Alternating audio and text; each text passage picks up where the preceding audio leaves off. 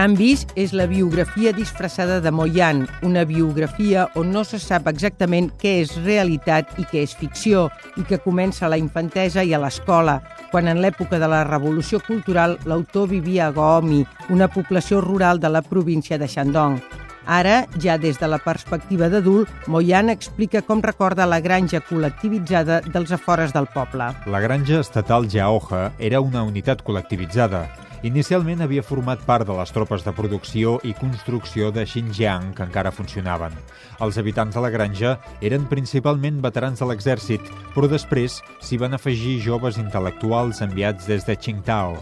Al començament dels anys 60, quan al nostre poble endarrerit les eines de producció que teníem eren carros tirats per bous, a la granja estatal Jaoja ja tenien segadora.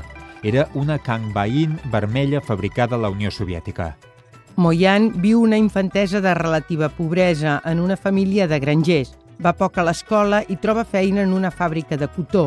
És millor que fer de pagès, però hi ha una altra sortida. Vaig rumiar-hi força i vaig arribar a la conclusió que entrar a l'exèrcit potser era la manera de sortir del poble i canviar el destí que m'havia estat preparat. Tot i que era força difícil, entrar a l'exèrcit era més fàcil que entrar a la universitat. Però no n'hi ha prou. A la Xina és impossible progressar sense l'ajuda del Partit Comunista. Aquestes són les paraules del pare de Moyan al seu fill. Encara que no puguis ascendir, encara que no puguis aprendre a conduir, has de trobar una manera d'entrar al partit. He estat lleial i devot al Partit Comunista tota la vida. Sempre he somiat de poder-hi entrar, però no ho he aconseguit i ja no tinc esperança de fer-ho en aquesta vida. Ara depèn de vosaltres.